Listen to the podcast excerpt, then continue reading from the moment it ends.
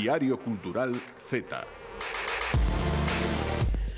Ola, ola a todos e a todas Que tal? Benvidos unha semana máis, un día máis Ao Diario Cultural Z, ainda que xa sabedes Que estamos sempre presentes, que estamos aí nas redes Que si sube agora un vídeo Cando non nos toca gravar, estamos editando reels Para subirvos e para que nos sigades vendo Porque nos encanta facer estas cousas Hoxe sí que mm, empezo o programa un pouquiño máis enérxica Porque esta semana, mira, Roberto Que teño aquí, ao lado xa o presento Ola Roberto, que tal? Roberto González Creo que non o sabes, pero esta semana eu recibimos na conta da Radio Galega pois unha mensaxe moi bonita dunha persoa que nos segue que non nin lle pagamos por dicir eso. nin nos conoce, eu non a coñezo, non sei, igual é amigo de Roberto ou aquí, me estou tirando un triple, pero é unha mensaxe moi bonita. Igual é amigo meu pode na ser. Que, bueno, pois pues despois xa falamos, pero agora queda aquí a verdade de que non cono, non coñecemos de nada esta persoa e dixo que que lle gustaba moitísimo o programa e a frescura que tiñamos. Entón, pois pues, mira, eh, son cousas que mm, sí, que che fan ter un poquinho máis de enerxía. Hai moitas veces pois, que un se agobia, que un se mm. frustra, non?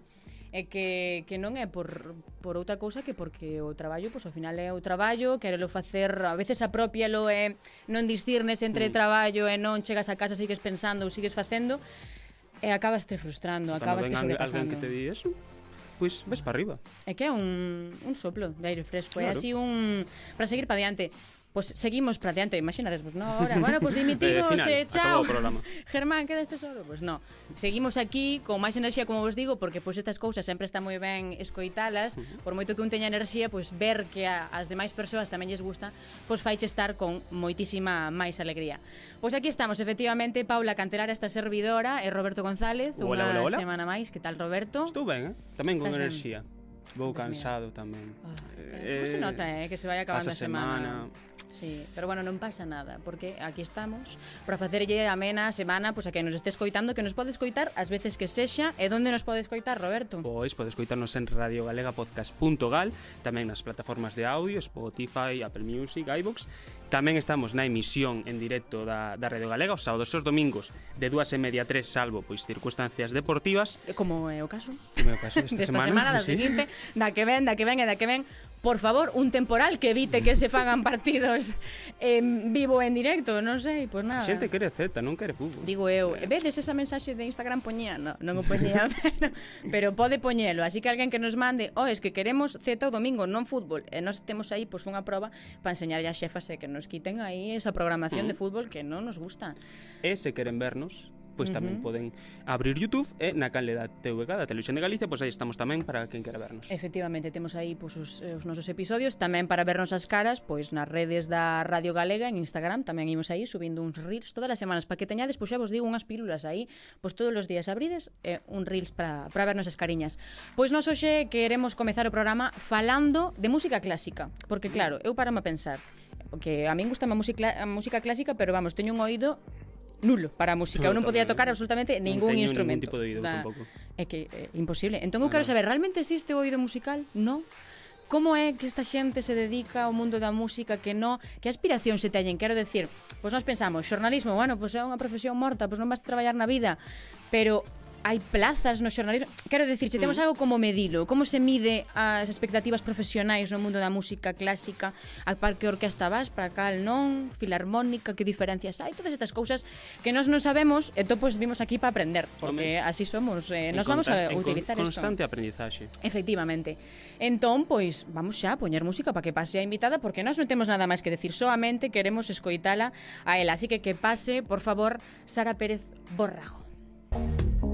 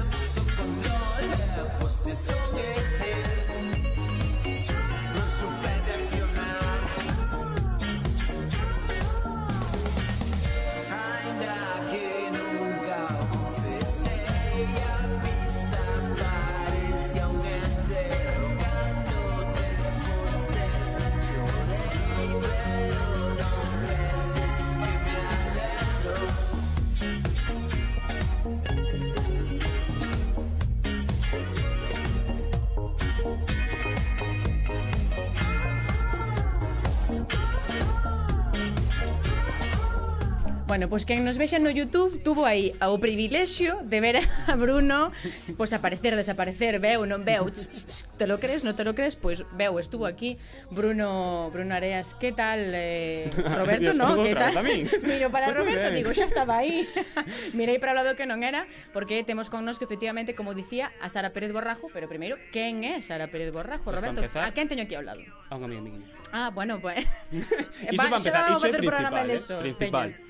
Sí. Pois Sara está aquí porque é violonchelista, ten 24 anos, comezou aos sete anos os estudos musicais que estivo pois compaxinando coa súa traxectoria académica e graduada ademais en Educación Social, agora mesmo pois atópase no cuarto curso do, no Conservatorio Superior de Vigo e o tempo que combina pois tamén coa docencia é profesora tamén en dúas escolas de música e ten experiencia pois tamén coa, coa algunha orquestra por exemplo na Orquestra Xove do, do Alto Miño Esta é Dixo Sara. todo ben?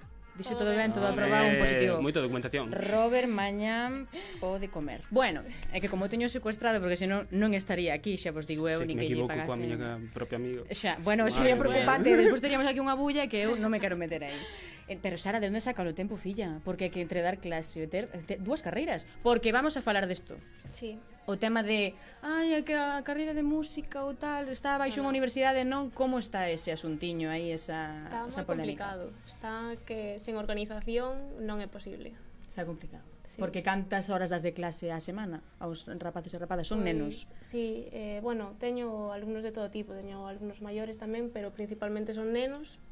A verdade é que non calculei canto tempo traballo a semana, traballo case todas as tardes, menos os xoves. Uh -huh. eh, nada, pola mañá en clases no conservatorio e, e así. Ves, a xente organizase, ben, eh? Eu non.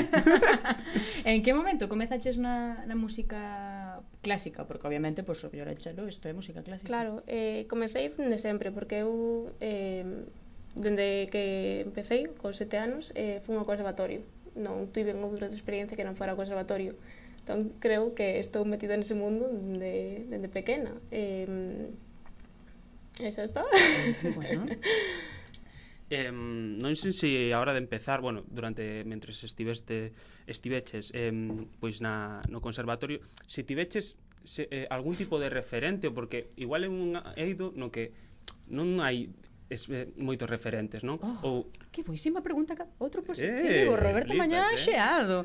Claro. É iso, que se tiveches, se tiveches algún referente ou, ou foi máis de non ter referentes e pois eu fago a miña música sen, sen ter nu- algún tipo de referente. Claro, eh, referentes sempre temos. Eh, así o meu referente máis preto foi o meu irmán, irmán porque, claro, ele é maior que a min, entonces eu comecei no conservatorio penso porque el tamén estaba e os meus pais dixeron meña, os dois para dentro sí. eh, sí que é verdad que o recordo que teño tampouco teño sento que a medida que fun crecendo e madurando pois pues, fun tindo referentes eh, pero mm. antes Non moitos, a verdade. Claro, que sí que é certo non? que é un, un, un sector... É que por iso che decía da pregunta interesante, porque moitas veces decimos, Buah, pois, pues, son Soles Ónega, claro, quero ser xornalista, quero ser como ela. Pero claro. sí que é certo que, claro, violonchelista, que vais a decir? Pois pues, eh, quero ser como a Bach. Pues, eh, bueno, que justamente non... tampouco se marca aí, non? Claro, Pero claro. non tive nunca, nin a día de hoxe, que diga, quero ser esta persoa, quero ser... Mm. Eu que seguramente o saberá un montón claro, de Claro, claro, non se lle dá pero... tampouco mm. esa difusión, non, quizáis. Claro. Non ves nos medios de comunicación, non, non coñecemos a, mm. a un pianista, unha pianista ou, ou sí, que pero sí, refírome non temos, claro, mm. non hmm. temos tantos referentes. Aí hai dos como que están máis Claro, como que está apartado, está sí. como nun, nun, nunha marxe. Mm. Non? Mm. Xa. Entón, ti despois de feito estudaches outra carreira. Está sí. relacionado con isto que dicimos de Sí, porque a música, ¿verdad? a música, claro. dedicarte á música. como se eh, dedicarse a, sí, de... a outros sectores non vas moi comer. complicados, eh, tampouco vas a comer. claro, aparte, nas minhas circunstancias personais, creo que fun unha persoa sempre que todo dase relativamente ben, pero tampouco destacaba en nada. Entón era como, eu quero ser música, pero sei que nas minhas condicións non vou ser famosa, nem vou triunfar, nem vou poder dedicarme igual exclusivamente a isto. Entón era como pois combinalo con outra cousa que me guste e que se posible para mm. Porque claro, como sería dedicarse a música, quero decir, ti agora estás compaxinando iso de dar clases con tamén tocar. Claro.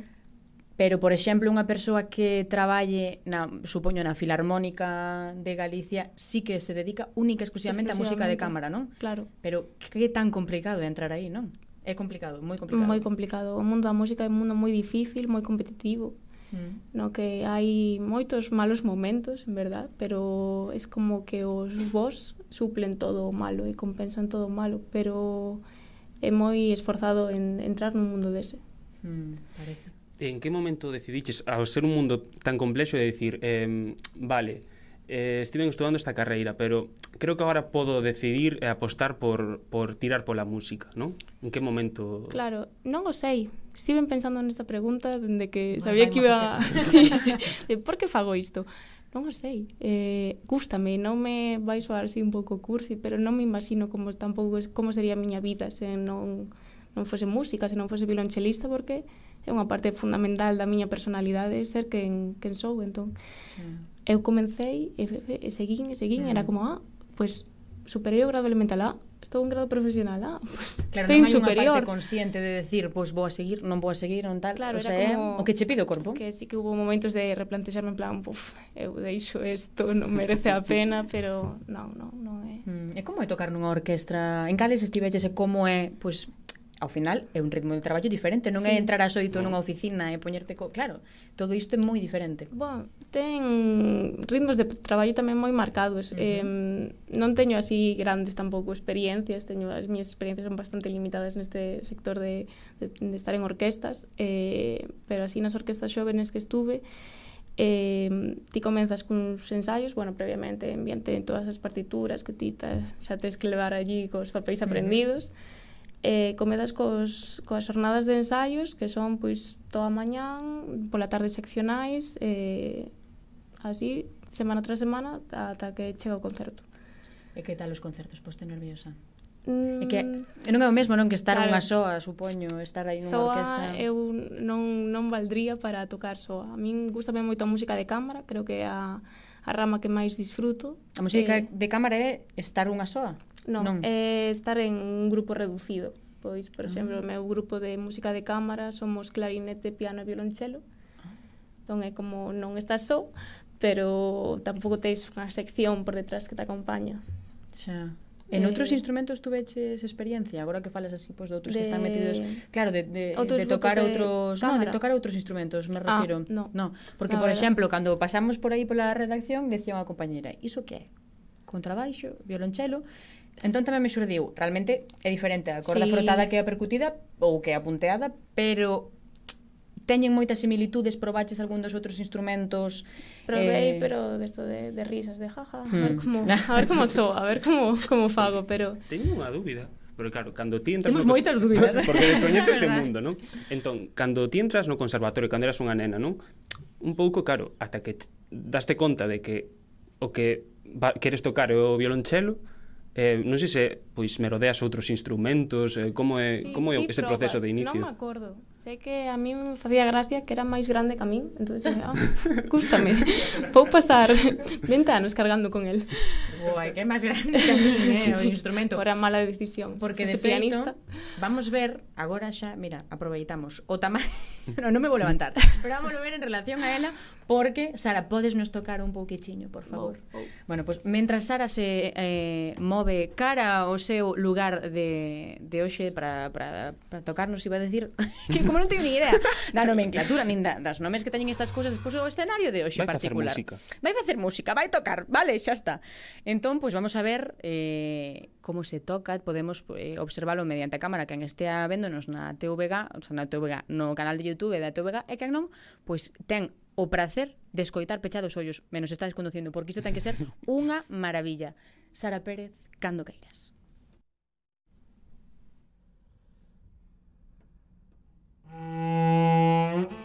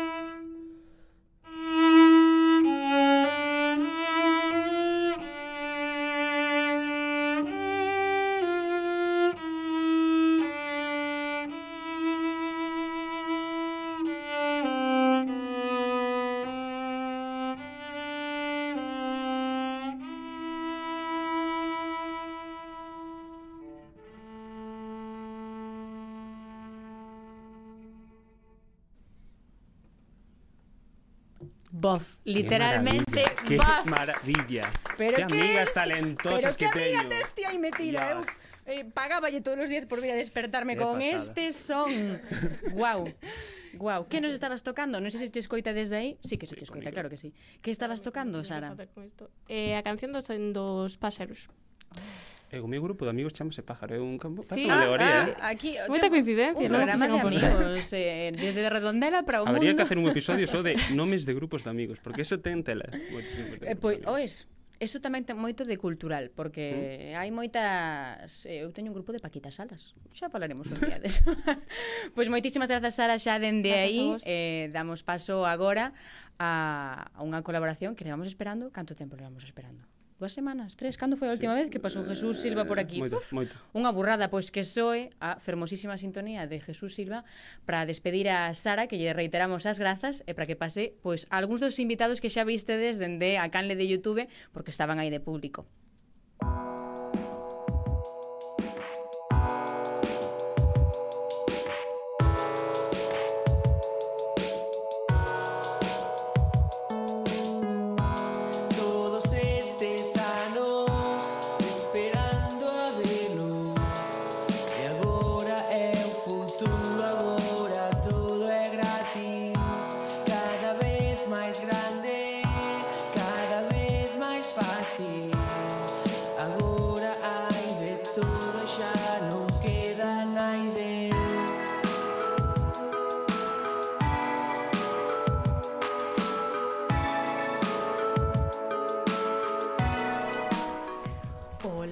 Silva, que tal? Cantísimo tempo sen terte aquí a Beiriña, eh? Moi ben, bo día, boa tarde. A verdade que xa apetecía estar de volta no estudio multimedia despois da, da nosa intensa xira de festivais. O que sí. pasa que calquera sai agora despois de, da maravillosa interpretación de Sara. Eh, bueno, eu voz melódica non a teño, pero vos eh, medianamente sí, moito máis eh, cercano que, que Aquí non hai desatopar tampouco, a verdade. Pero, pero bon, como digo, moi contento de estar de volta. Hoxe volvemos ao formato habitual nesta sección audiovisual, pero coa intención de comezar a saldar certas debedas que tiñamos pendentes aquí no programa.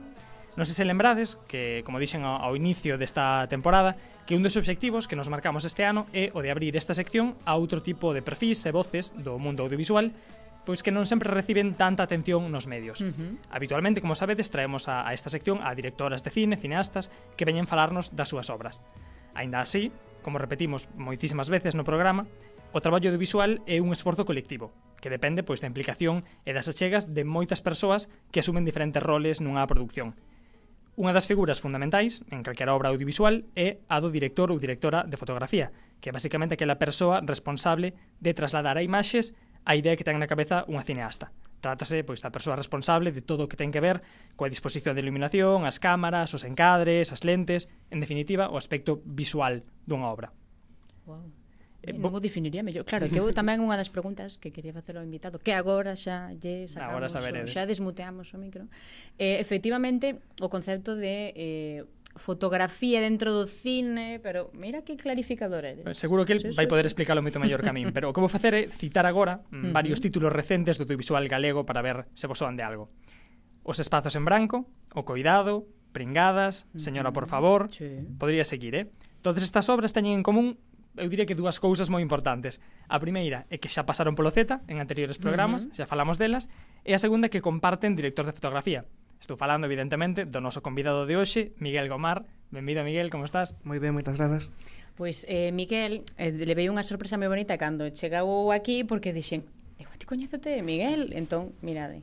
Miguel é graduado en Comunicación Audiovisual e Xornalismo pola Universidade de Santiago, como a Roberto, pero bueno, xeracións distintas.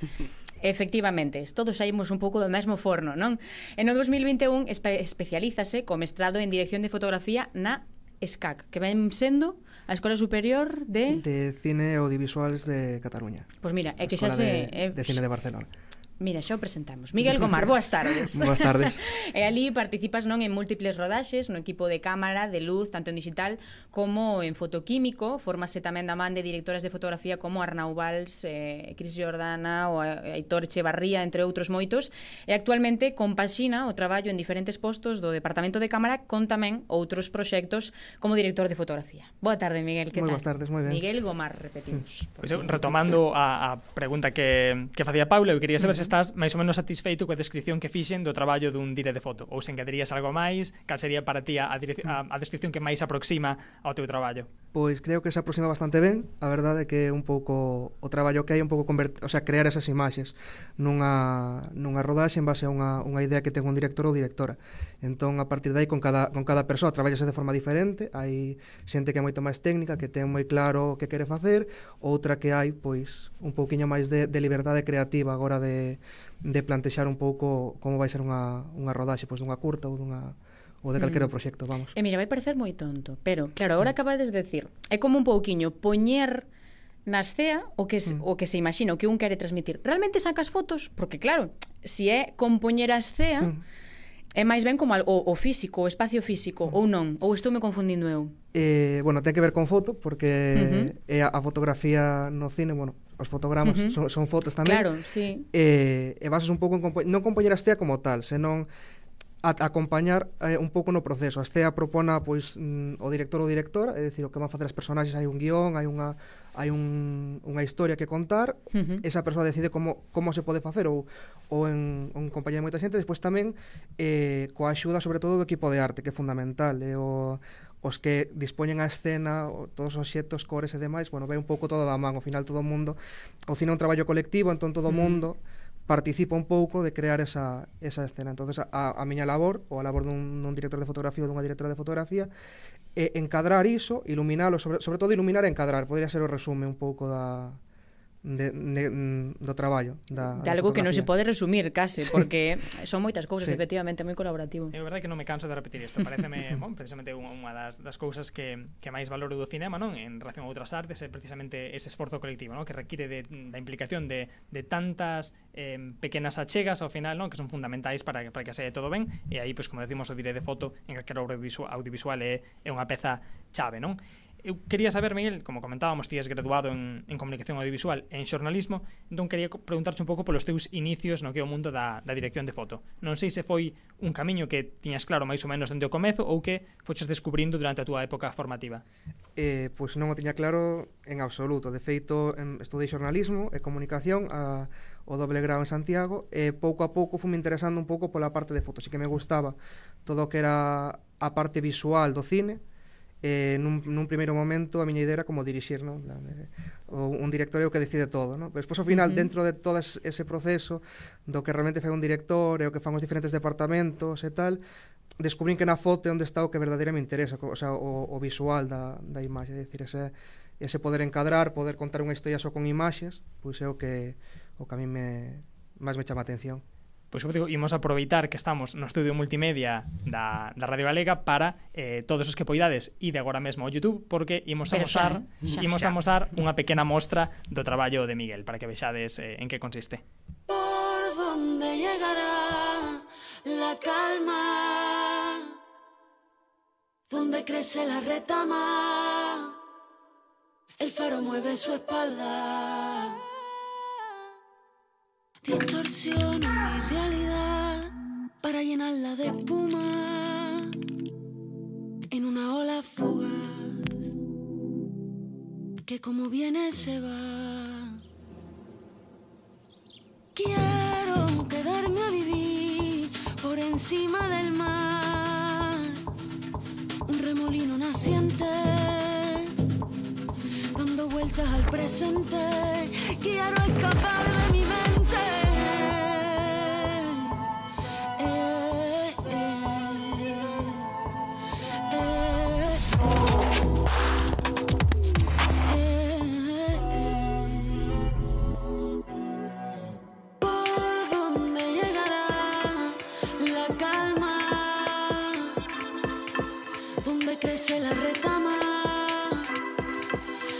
mueve su espalda. ¿Por dónde llegará la calma? ¿Dónde crece la retama? El faro mueve su espalda.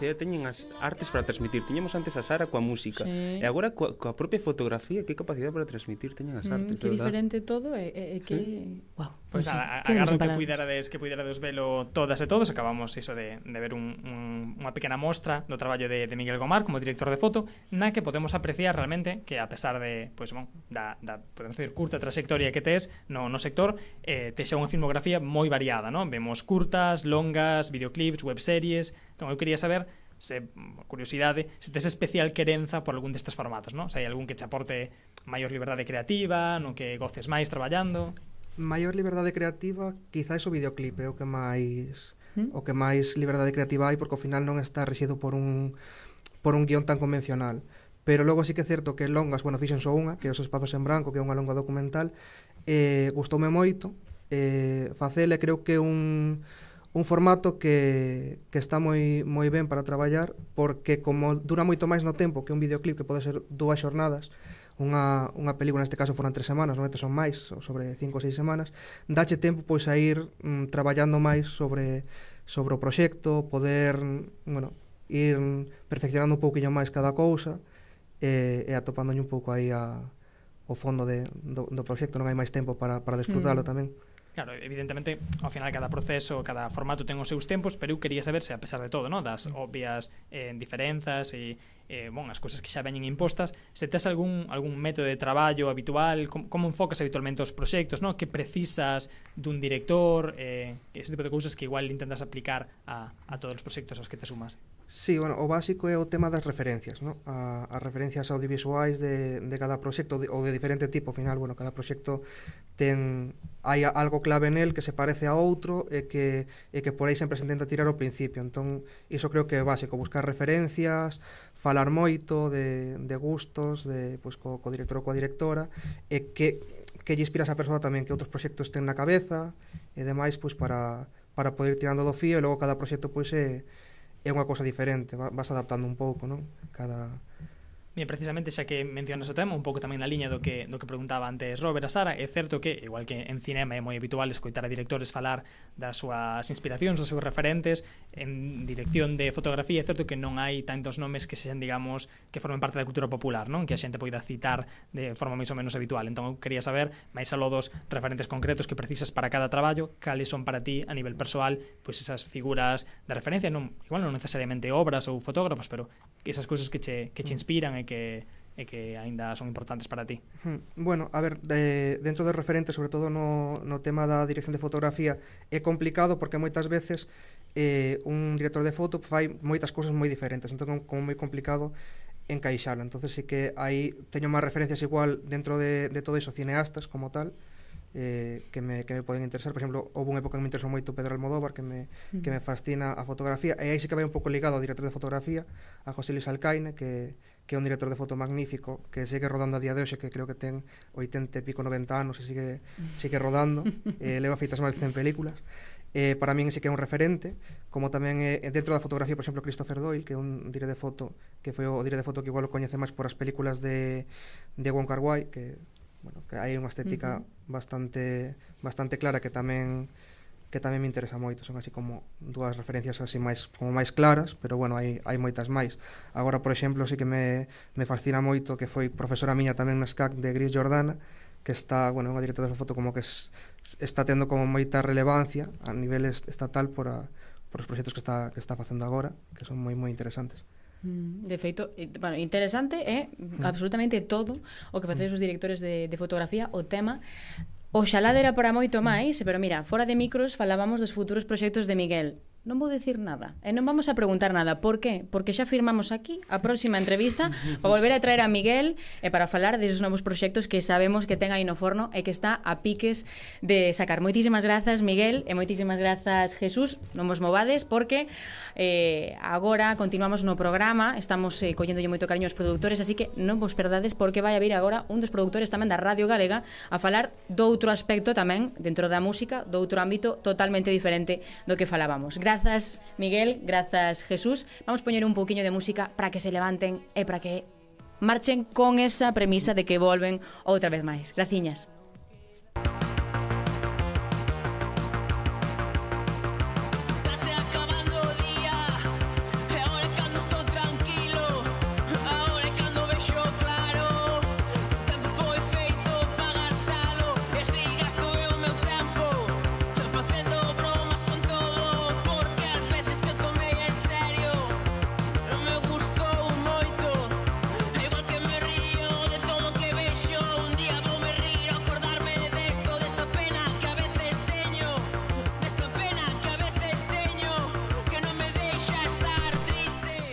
que a veces tamén se me olvida recordarvos que detrás deste programa hai moitísima máis xente. Por exemplo, o que me estaba facendo agora burla, non, de que ele está comendo chocolate ou non, Germán Gervasio, Germán, xa sabedes que lle chamo un pouco como me dá a gana. E tamén temos a Lucía na produción, que tamén me está enseñando as galletas, que aquí o que queren Aquí todo o mundo come. Aquí todo o mundo nos quere molestar. Mira, xa saiu, xa se desmuteou el só. Totalmente. Ángel González, non? Como escritor, non é González. Sí, sí, o meu apelido é González, o que pasa é que, bueno, coñéceme como Lucho normalmente. Ah, como... bueno, pois pues Lucho, filliños, Lucho, como el quere que lle chamemos a Mara Moimenta, que se me esquecía, Maca. É que somos un equipo moi grande, somos unha familia aquí na Radio Galega. Totalmente. Eh, aquí temos a Lucho, que ven de incorporarse no, no equipo, bueno, nos equipos da Radio eh, Galega, eh, porque aquí somos un equipo, aquí todo o sí, mundo non... se xunta, todo o mundo, mm, ben. Podemos empezar nun lado e rematar noutro, así que nunca se sabe onde estamos realmente. entón, efectivamente, pois pues, eh, Lucho acaba de incorporarse, dixemos, pois vámoslo traer aquí aos micros outra vez, encantado. porque non é a primeira vez que debutas nos micros da Radio Galega, porque no. aínda que sexa productora, e sexa o que moitas veces está detrás, Ángel ten máis. Sí, teño micro fama de seguir tamén dos micrófonos bastante. Sobre todo para falar de música que o que controlo un pouquiño, pero bueno. Aquí vimos, aí vimos, viña a Mara a falar do que sabía a semana pasada, que eran ah, os cotilleos os que falamos. Sabe máis cousas? Non, non a creades. Era di que sí, di por aí que, bueno, que controla moitísimo. Non, viñamos a falar de cotilleos, pero Aquí Lucho é DJ, entón dixemos, falamos de música clásica con Sara? Ahora DJs. Ahora DJs, porque que é unha cousa diferente, pero... Sí, sí, va pasar dun extremo a outro. Hai moito, eh, efectivamente, hai moitísimo. Ti algunha vez pinchaches música clásica? Eh, eu un. Beethoven bailaba yo. Aí na. No, pero a mellor un remix así de algunha canción yeah. de sí. Beethoven ou, ou de Wagner, que o gran olvidado, porque sempre que falamos de Beethoven, Mozart, no, no, todo o mundo se olvida Wagner, de Wagner, de eh, Haydn, de non Haydn, eh, de Haydn, de... tamén Haydn tamén se pincha, de Bach, de Vivaldi, imagínate pues bailar mira. aí, comerán de Vivaldi. Todo pensado. Pero escoítame, porque falamos moitas veces, no, DJ tal, este traballo, pero cando nos se pasamos ben, Eles están aí detrás, eh, elas. Pero tamén o pasamos ben, Pasadelo ben. Sí, o sea, ao final creo que disfrutamos tamén na cabina de ver como a xente pode disfrutar. É unha sensación super guai. O sea, eu cando, por exemplo, estou nunha cabina eh, vexo que o público me responde, que me está a cantar e a bailar todas as cancións que poño, eu estou moi contento tamén dende arriba, disfrutando igual que os que estades abaixo. Fu, e se si non reaccionan, Ángel, porque eu eh, veño abaixo. Eu non podo eh, A ver, hai momentos duros. Podo. Sobre todo as esas, cando non gustas a todo o mundo, eh, o típico de que vou pedir unha canción ao DJ, pois, pues, claro, ti és unha persoa, pero imagínate que hai 100 dentro que son 100 persoas que te viñen a pedir a canción. Final un pouco agobiante, pero son pouco, pequenas cousas ao final. Ah, así que eh, é do que non poñen. Eh, aturar, eh. aturar a xente que leva unhas copiñas de máis que tamén ten que ser... catro reviravoltas. A ver, é duro, é duro, porque, bueno, pasa de todo ao final, desde xente que te ofrece cartos, en plan, se me pones a seguinte canción a miña, e te fan así como metendo un billete de 5 euros en plan ou sí, que son situacións a xente un pouco máis violenta non que te quere pegar, pero bueno, sí que te empeza a agarrar o mellor da camiseta. Oh, eu como levo gorra, pois son o que típico medo. que lle dan fácil na gorra, pero a ver, son nada, casos moi contados, a verdade. Oh. Normalmente a xente que vai un pouco contenta suele ser moi amable. E canto aguantaches no, no, no mundo? Deixáchelo, non sigues... Bueno, eh, agora estou nunha pausa temporal, pero levo casi dous anos xa. Dous anos. E como empezaches? De rebote, a verdade. Foi ah. de, de, de, totalmente de rebote. Eh, o sea, me gustaba a música de sempre, eh, nunha sala de concertos de Lugo creo que andaban a buscar xente, bueno, Perdón, es eh? que estamos aquí mirando outra cousa. Entro de rebote como, como neste programa. Totalmente, pues, sí, a verdade que Vamos sí. a ser sinceros, eh, eu puxen na, no guión, eh, entra Ángel, imolo entrevistar por ser DJ. E venme a Mara, a nosa productora, repito, a Mara estrela deste programa, tedes que ir ao anterior episodio para vela. Bueno, corramos un estúpido velo, un estúpido velo e dime, Ángel non sabe que ten que entrar ao programa. ah, pois eu dixeño clarísimamente. Porque eu bueno. pensaba que estabas de coña, verdade? Foi unha a mí todo o mundo me toma en coña neste neste habitáculo, neste programa, neste edificio, no mundo en xeral, na miña existencia. No, pero a partir de agora tranquila entón, que eu empezaches de coñas tamén. De coñas, sí, de coñas totalmente. Pero eh, como, eh, vente pinchar, Ángel, sabes? Non, sí, pero igual. tal cual, o sea, falei, bueno, ah. nunha sala de Lugo que o, encarga, o dono, perdón, coñece amigo do meu pai e díxome, bueno, pois, pues, queres vir a probar unha noite? E, igual que neste programa, sí, sí, sí, sí, sí, sí. Pero pensei que isto iba a quedar así, tal, este día dixo, a tal hora vente, dixen eu, ah, pero espera que estuve de verdade, que boa fin. Fixen un desastre horroroso, botei a xente do local, e ainda así seguiron confiando en min, así que imagínate. Bueno, hai que darlle un botiño de confianza. É que a mí me parece super complicado manexar as as mesas esas de mezcla de todo isto. Tanto botón como es hai que ten aí. Cantos usades, filliño? Tres? No, o que non, sube o volumen, o que baixa. e o play o pause, non? non, bueno, verdade Hai o do micro todo, que empezan eh. a berrar. Todo o mundo aí máis arriba. aí fago un inciso. E quero dicir, non todos os días utilizamos micro, por favor. é algo que estou todas as noites cansado de ter que pues dicir. Pois a min gustame que berren. Es que estou Kiko a... Rivera, sí. bueno, se podemos catalogarlo de moitas cousas, pero non sei se de DJ a mellor de todo. ni de DJ, ni de cantante, ni de... No, pero eso, entón... Eh, Cantos usades? Todos. Ao longo da noite utilizamos todos. Se non o cree ninguén, vamos. Non, non, é certo, utilizamos todos. Eu tamén, o primeiro día que empecéi, eso, intentei utilizar os mesmos posibles para non fastidiala moito, pero co DJ... Ah, pero xa sabías usala, entón. Sí, sí, eu empecé... Home, non chegaches ali e levaches unha libreta. Bueno, entón ah. dime, este que pon aquí ou oh, bebé que é? No, pero mira, vou contar unha cousa que a primeira vez que conto, o sea, unha hora antes de entrar no local... Espera, espera, que teño que facer unha señal de que hai unha aquí unha exclusiva. exclusiva. Exclusiva, a que Diario estará, Cultural Z. A xente moi contenta que me coñece DJ, pero unha hora antes de entrar eh, no local, puxeme a ver tutoriales de YouTube, pero a sacos. Estive como unha hora vendo tutoriales en plan, non quero cagala, por favor, vamos a ir controlando todo. a... Igualmente a caguei, o sea, pero bueno, queda aí como unha anécdota que... Non, non te preocupes, eu tamén antes de entrar aquí busquei como se locutaba. 4 anos de carreira. Eh, pero ben, eh. O que? O de locutar ou de o revisar? De o de locutar. Non. entón, despois de dous anos, mm. como ves agora o sector? Isto queima, non queima? Eh, Realmente que traballas que, de noite. Que, realmente queimar quema un pouco, claro. O sea, porque ao final pensa que sí que é verdade que disfrutas, como dixen antes, e pasa o señal, pero ao final tamén te gusta estar cos teus amigos, te gusta estar coa tua xente, e aínda que podes estar un par de minutos ou que seña tal, ao final tens que estar no teu traballo. Eso, fin de tras fin de tras fin de, sí que é verdade que pode queimar un pouco, pero bueno. Eh, é, é moi difícil de explicar porque ao final creo que os que somos DJs é por, bueno, igual que toda a xente que se dedica a música é por vocación, entón ao final mm. sempre vas buscar un lado por onde vas a buscar algo positivo e vas a querer continuar nesto. Xa, é precario.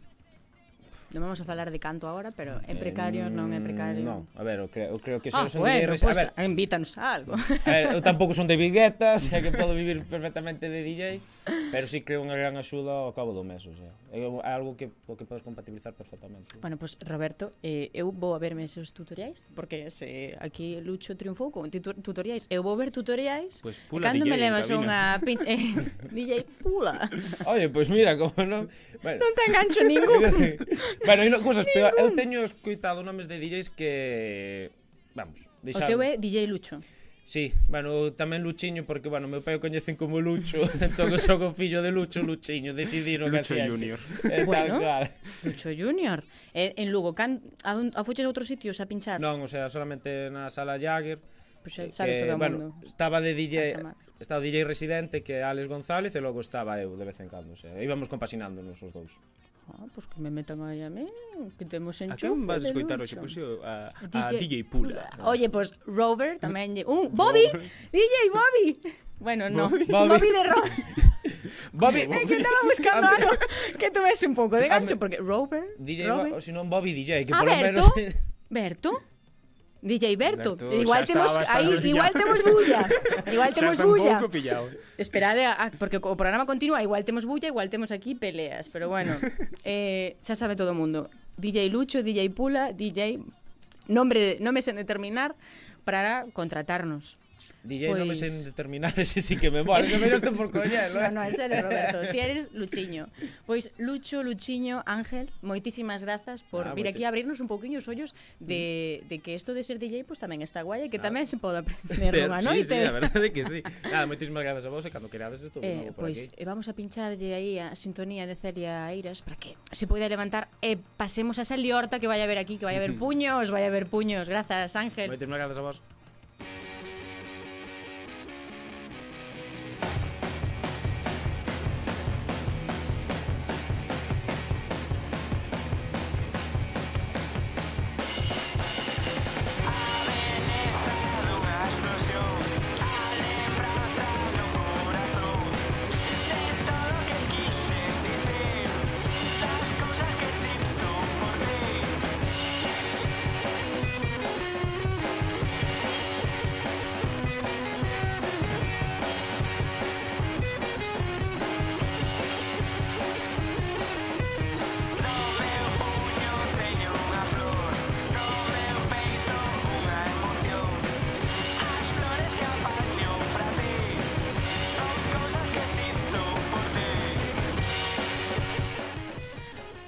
falaba moi de música porque temos a nosa colaboradora Celia Eiras, xa sabedes, especializada en música, que a ver que nos trae hoxe. Hola Celia, que tal? Bueno, moi ben, quero que saibas que eu tamén teño nome de DJ. Dios mío. Igual che gusta. Por favor, está relacionado con que eira significa propiedade em, eh, por favor, porque no, no, si eres algo relacionado no. con leira... Oh, no, non teño propiedades. Como funciona a cabeza de Paula? Joder, que... Vai rapidísimo. Na miña casa son leiras, leiras. Entón, claro, eu digo atravesing de leira en vez de pues, atravesar unha leira. Bueno, da igual. Igual debería cambiar. Dimo, dimo eu digo, che, a miña opinión é que propoño. DJ Bicha. Hmm. Pois pues eu deixaría. Es bueno. Eu deixaría, bueno. bastante, bastante bon. A mí gustame. Pero eres DJ, ¿no? Sí. A veces. Eres unha caixa de sorpresas. aquí todos DJs, aquí. Entón, eh, DJ Bicha que non traes hoxe. que non sabe facer música, pincha, é o que hai. Bueno, pero aprendeches un, un tutorial tamén, porque eh, xa ves que vai moi ben a sí, cousa a con que o sí. tutorial, pois xa está. Eh, ti cantos botóns usas? Porque agora vamos a empezar a categorizar os DJs segundo a cantidad de botóns que usen. Utilizo todos. Utiliza os memoria. Eu non me acordo de como se editaba o que, o que estamos grabando agora. E eh, Pasou unha semana dentro o último. Pero bueno, aquí a xente é moi lista. Despois falas da miña cabeza, pero aquí... Eu metería un pendrive. Música. E, e veña, e cas mezclas feitas Que lle roubas a alguén, total, que non vai saltar o copyright na discoteca amigo, Pois bueno, Celia, perdón eh, Vamos a correr outra vez un estúpido velo Que tal, que nos traes hoxe? Pois hoxe traio vos a un músico excepcional Que é Berto, Berto Mira Que tal? Estás Hola, Berto. Moitísimas gracias polo de música excepcional. Estamos todos de acordo.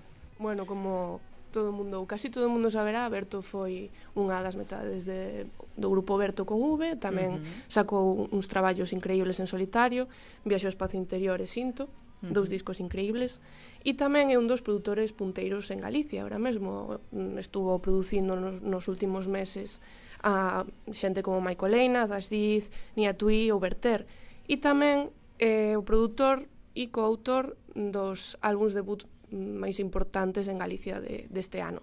Acrópole de Fillas de Casandra e Arden de Mondra que xa viñe, xa falamos aquí de Arden, efectivamente, cando vexades que escoitedes algo de Arden que apareza Berto, pois xa sabedes que efectivamente quen está detrás é a quen valdes a escoitar e ver hoxe, quen estea no YouTube da TVG no programa Diario Cultural Z.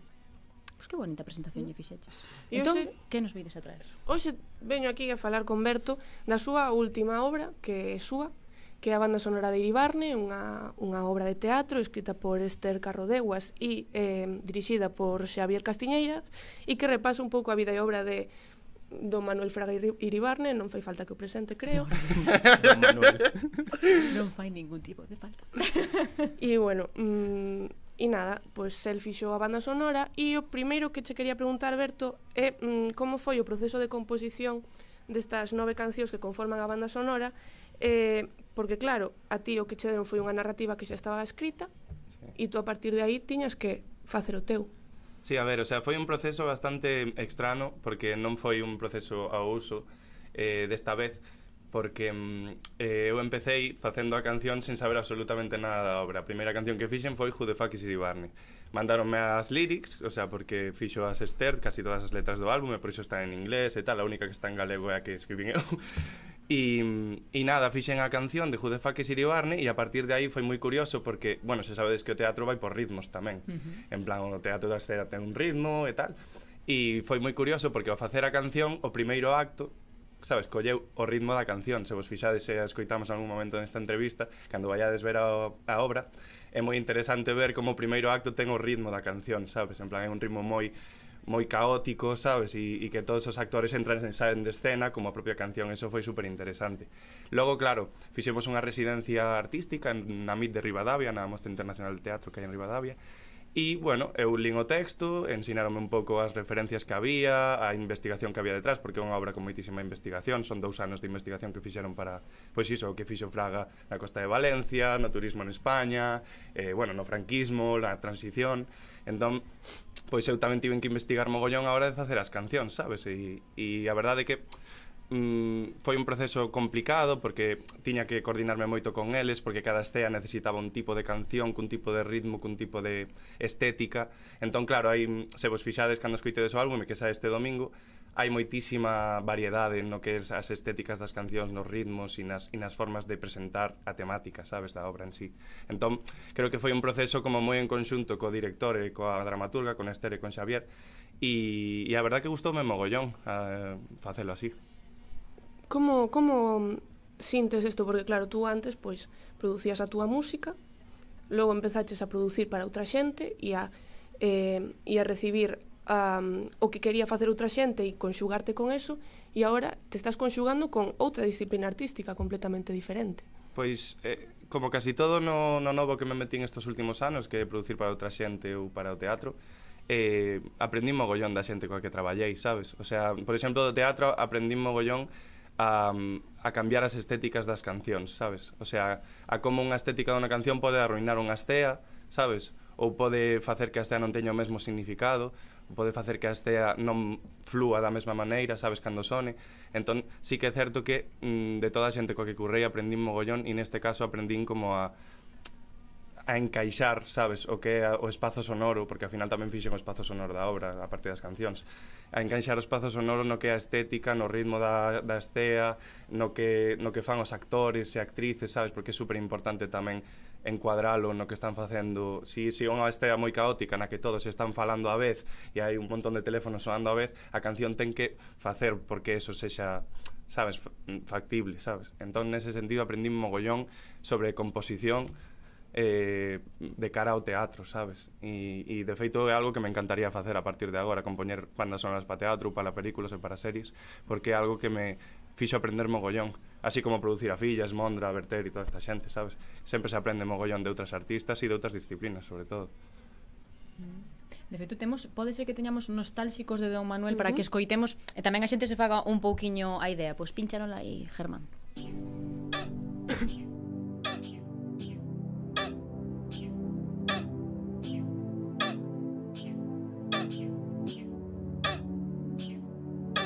Ás veces penso na xente que se entregua Fala de pocas pasadas con moita pena. Homes diseteros serán, sí, sí. Homes disetero andan por aquí. Ás veces penso na xente que se entregua Fala de pocas pasadas con moita pena. Homes diseteros serán, sí, sí. Homes disetero andan por aquí.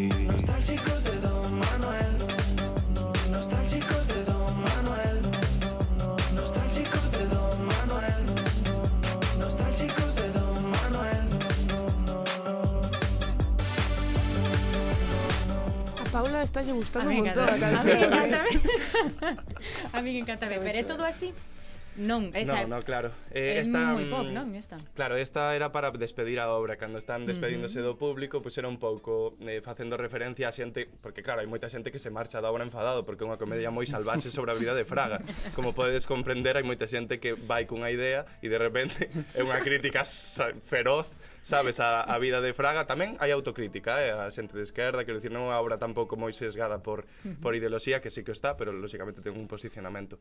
Pero bueno, esta era un pouco reflexionando por por que te vas enfadado de aquí, sabes? era un pouco a idea, en plan, de que a xente que se pirase ou que estivese enfadada cando acabase a obra, pois dicir, bueno, que foron porque... parte da propia obra, incluso claro, esa xente que marcha. Claro, de feita, hai xente que se queda, bueno, eu estuve en, en Madrid cando se estreou e hai xente que se quedaba escoitando a letra, sabes, desta de, canción cando xa se marchaban actores e actrices e estaban como, hostia, sabes, como pensando, vale, este tío estaba dicindo algo, sabes, con isto. E era, e era moi guai, y, pero non todas son así. A, um, hai moitísimas que están máis, máis dirixidas á coreografía porque é unha obra que ten coreografía de walking que está guapísimo. O sea, tendes que ir a ver esta obra por favor, e Barne vai, vai estar en Santiago en Xaneiro. Eso te iba a preguntar, eh, datas, datas, datas. Queremos datas. En Xaneiro vai estar en Pontevedra Santiago, eh, vai, vai estar bueno, por toda España, non sei se máis sitios en, en Galiza, verdad, pero pero non sei. O que sí é que, que eso, que hai moitísimas dirixidas máis á coreografía, hai outras dirixidas tamén a, a un espazo sonoro concreto porque hai un momento do, do toro en España e entón é como un flamenquito, bueno, depende depende mogollón do que pida cada estea, son todas moi diferentes entre sí, sabes? Eh, can, bueno, do, o álbum xa este domingo xa podedes escoitar. Eh, son todas moi diferentes entre sí, todas teñen unha intención moi diferente porque están en diferentes actos da obra e en, claro. en diferentes momentos, sabes? Que guai, que guai. E Nostálxicos foi a, a que escribiches tú, dis, non? Sí porque claro, a mí me chama moito a atención que acabas de deixalo ver un pouco que é o tema máis convencional e pop realmente da, da banda claro. sonora o resto é moito máis tecno si ten letra eh, son sempre frases moi repetidas de, de feito hai, bueno, non o trouxen hoxe pero hai un tema de 15 minutos que é un tecnazo de zapatilla que te mueres que se si non foi así para min, soname, sabes, sabes este momento da, da, da radio británica cando morre o marido da reina? Sí. e din non me acordo como se chama o señor, ah, morreu. E empezan pom, pom, pom é literalmente eso. Eh, como, como, como foi para ti este proceso de cambiar tanto de tónica? Porque ao final tú sempre fixeche cancións moito máis pop, Claro, a ver, eu como músico a min sempre me ven guai que alguén me saque da miña zona de confort e é algo que valoro mogollón e que sempre busco, sabes? De feito, producindo para xente, sempre busco xente que veña doutros, est doutros mm. estados e doutras formacións. Por exemplo, con Mondra aprendí mogollón de tradicional e agora sei tocar percusións tradis, sei facer arreglos tradicionais sen, sen a súa axuda, sabes? E eu de tradicional non sabía nada que son un fulano non nacido en Pontevedra, sabes? Quero dicir, eh, son, son un pijo de mierda, sabes? Entón, entón sí que é certo que me gusta moito que me saquen da miña zona de confort e esta obra, pois por suposto que foi sacarme da miña zona de confort porque, por exemplo, o tema de 15 minutos é Paquita muerto, Paquita é Franco na obra. Entón, eh, eh, gravei a Esther dicindo Paquita muerto e o, e o descanso dura 15 minutazos e entón fixe un arreglo para os 15 minutos de descanso da obra porque son 3 horas sí. e, e tuve que facelo en dous días. O sea, entón sair da miña zona de confort totalmente e a verdad que... Mm, foi espectacular facer un arranxo de 15 minutos de tecno harto en, en dous días, a verdad foi bastante duro, pero, pero eso, foi totalmente sair da miña zona de confort, aprender moitísimo, aprender sobre, sobre arranxos, sobre todo, sobre como eh, facer que as cancións fluan, porque facer un arranxo de 15 minutos que sexa mm, algo co que ti te poidas entreter non é algo doado, sabes? Entón sí que é certo que aprendí mogollón sobre arranxar cancións, sobre facelas fluir, sobre que baixen, que, que suban, sabes? Entón estuvo moi guai este, o proceso en xeral. Puro tecno. Puro tecno, ti. En plan, eu, eu teño moita ilusión de que esa canción se acabe convertindo en mítico rollo de, sabes, de que a xente pon nas rabes, en plan de Franco Morreu, venga, todos arriba, sabes? DJ Bicha vai na pinchar, eso seguro. DJ Bicha... DJ Bicha, eh, DJ sen nome determinado, sen nome determinado. DJ Pula, tamén van a pinchar, cosa aí, um, a xulgar polos temas que se suxiren na, nas cancións de Iribarne, é unha obra que fai fincafé, finca nas represións do franquismo e do tardofranquismo. Sí. E, e mm, deu unha sensación de que ti te centras sobre todo nas represións de índole sexual e de xénero. Sí. Eh, a ver, que son as que me tocan a mí máis... Eh, en primeira persoa, en plan, eu vou pola rúa e hoxe mesmo antes de quedar contigo chamaronme maricón, un tío por un coche, quero dicir. Entón, pois, sí que me fixei máis nesas, pois porque mm, son as que máis vivo, pero sí que é verdade que se fan bastante oh, referencias a outras moitas cousas, xa sabes que hai letras nas que se fala de socialismo, de comunismo. Hai unha canción que se chama What the fuck is transition, que di en plan, que é a transición? E porque hai como unha campaña do franquismo que era os 25 anos de paz que era como, ah, por fin estamos despois de 25 anos con paz e todo eso. E entón, mm, na canción di, e que é la paz? E de repente empieza, pois, sabes, non maricones na calle, sabes, que non haxa xente disidente, que non haxa socialismo, que non haxa mm. comunismo. Entón, sí que é verdade que eu centrome máis nesas pois porque me chegan máis e, e me fan máis dano a mí, pero sí que hai outro tipo de referencias na, na, na, na no disco en xeral, sabes, sobre sobre eso, sobre represións políticas, sobre todo, tamén hai mm, bastante mm, referencias a, ao que era que Fraga fose un si é Fraga un fascista ou non, sabes? En plan, porque Fraga foi un tipo que chegou cos tecnócratas do franquismo, sabes? Entón quixo facer que o franquismo tivese outra cara e que todo fose tal. Entón, fanse moitas referencias ideolóxicas, sabes? Non sabría dicir si, si hai unha máis en concreto que a outra, así que podo dicir que fixen máis finca apenas nas que me afectan a mí, lóxicamente, sabes? Pero bueno, eu non estuve no franquismo, entón a mí non me afectaron nese momento, a mí afectanme agora, claro. Pero bueno, tamén está guai recordar que é unha cousa que sigue pasando a día de hoxe, sabes? E que por iso eu estou aquí dicindo isto, sabes? Sobre todo que eu en Compostela vexo un auxe de homofobia, sí. vamos, brutal, sí, sí. E tú como crees que vai sentar esta obra e, e esta banda sonora en Galicia? cando aterrice aquí. Pois tío, curiosamente en Madrid está sentando que te cagas. ¿Sí? A xente, sí, sí, en plan, tamén é certo que o público que vai ao teatro é un público moi sesgado e que probablemente se o público de esquerdas que xa vai cunha idea a ver a obra, que xa mm. leu as críticas. Claro, en Galiza, bueno, hai, hai unha data en Vilalba que donde, onde, o sea, que, quero dicir, eso vai ser ah. bastante ah. dramático. Eso vai ser bastante dramático. A ver, eu creo que polo tipo de público que vai ao teatro mm, non vai haber problema pero que sí que creo que hai sitios nos que, mm, bueno, mm, vai ser bastante máis polémico, pois pues, lóxicamente mm. no sitio onde naceu Fraga, pois pues, hai un discurso sobre Fraga, sabes, hai unha unha forma de falar de Fraga en toda Galicia, pero sobre todo onde el, que é moi diferente a como se fala na obra, lóxicamente na obra mm, hai moitas verdades que hai moita xente que lle vai custar digerir, sabes? Mm. En plan, por exemplo, bueno, hai unha canción que literalmente este sentencia a muerte, o sea, este tío firmou sentencias de muerte, quero dicir, non, non unha persoa da que se poida falar xeñal todo o tempo, lóxicamente, pero aquí en Galiza, como foi un emperador, hai un, un acto da obra que o emperador, sabes? Porque en Galiza, como obtivo catro maiorías absolutas e puido facer o que lle dé a gana, en plan, fixo as mil e unha para, bueno, reprimir o galego e fa, foder a xente. E claro, eu creo que moita xente vai, vai escoitar ese tipo de cousas e vai cabrear, pero bueno, mm, se se cabrea é por algo, sabes? Al final non son feitos sacados da propia biografía de Fraga, das súas, das súas propias autobiografías, de xente que coincidiu con el, dos seus chofers que se falaron, o sea, o proceso de investigación que fixo esta xente é brutal, sabes? Entón desacreditar dous anos de investigación só porque ti non escoitas nunca eso de Fraga tamén é un pouco absurdo, sabes? Non, se non lles gusta, pois pues me sentido tera a, a, a, a, a, a, a, a, a, a, Claro. Hai augan. Hai augan, literal. Sí, mm. ao final é xente, joder, moi implicada que estuvo mm, dous anos da súa vida viaxando por Valencia, sabes, indo por aí a, a investigar sobre cal foi a figura de Fraga en toda España e en Galicia e, joder, que tú digas, no, esto non é así, pues pareceme como complicado de decir, sabes? Mm. E aparte de desto de que, que vamos a escoitar en breves de Iribarne, que, bueno, cando saia isto xa estará disponible en todas as plataformas, así que podes ir a escoitalo, Que estás argallando últimamente? Que, que nos depara de Berto? Pois eh, estou argallando bastantes cousas, pero estou montando unha banda que se chama Resaca Emocional que está bastante guai, en plan un rollito así pop eh, super doce, que eu estou super chiquito en todos os temas, en plan como mazo cookie. Concepto chiquito. Sí, estar chi sí, total. É que eu digo sempre, estou chiquita. Claro, o sea, é música de estar chiquito, pero que pasa que como a produzo eu, pois pues, é harta en plan de entón é como chiquito mola, mola, claro, mola me moito porque é como tecno bastante forte, pero por, por detrás saio en plan, jo. Estou triste.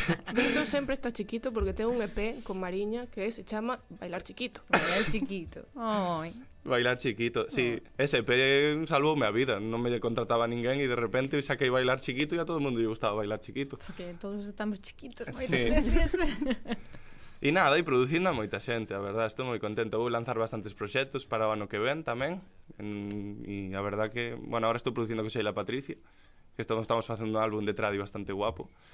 E nada, vou empezar a producir agora chavales que me viñeron ao curso que din nas GAE de produción e tal, o sea que bueno, a verdad que vense un ano bastante tocho tamén. Pois pues mira, é que xa tamén, ves, podemos firmar aquí a próxima entrevista con Berto, porque xa sabedes que sempre tremos xente que fai moitas cousas que non para, é que non para. Así que Berto, moitísimas grazas, grazas de verdade, porque nos quedamos tamén sen tempo, oxalá ter moitísimo máis, porque de verdade que dá gusto escoitarte. E moitas grazas a Celia, xa se pon chiquito, mira. e moitas grazas a Celia, marchamos todos chiquitos porque se acabou o programa, pero non vos preocupedes, porque Celia vai volver, Berto tamén, xa sabedes. Roberto, eu Bueno, tamén, a ver, non nos queda outra, non? Pero xa sabedes que isto... Sen, eh, como? Que, Que, ah, que... que hemos sustituído ah, ninguén, porque ninguén está tan tolo para sentarse aquí. Ou os productores, que como últimamente os explotamos moito Igual Amara e Ángel para a semana presentan o Diario Cultural Z. Así que moitísimas grazas a todos e a todas. Nos marchamos con Juis de fucking Iribarne, sí, non? Porque Who tamén the fuck is Iribarne? Mm, mencionamos a de Juis, no, Who fuck no. Eh, What the eh, fuck what... is eh. de Transition. Digo, a ver se si me estou confundindo porque hai moito título por aquí eh, en inglés. Entonces, bueno, pues a ver se si non me iba a confundir. E eh, moitísimas grazas, así que vémonos a semana que ven. Coidadevos moitísimo e eh, a pasalo moi ben e disfrutar da cultura galega e tamén feita por cetas. Grazas. Who the fuck is Iribarne? Who the fuck is Iribarne? Who the fuck is Iribarne? Who the fuck is Iribarne? Who the fuck is? Who the? Who the fuck is Iribane? We wanna know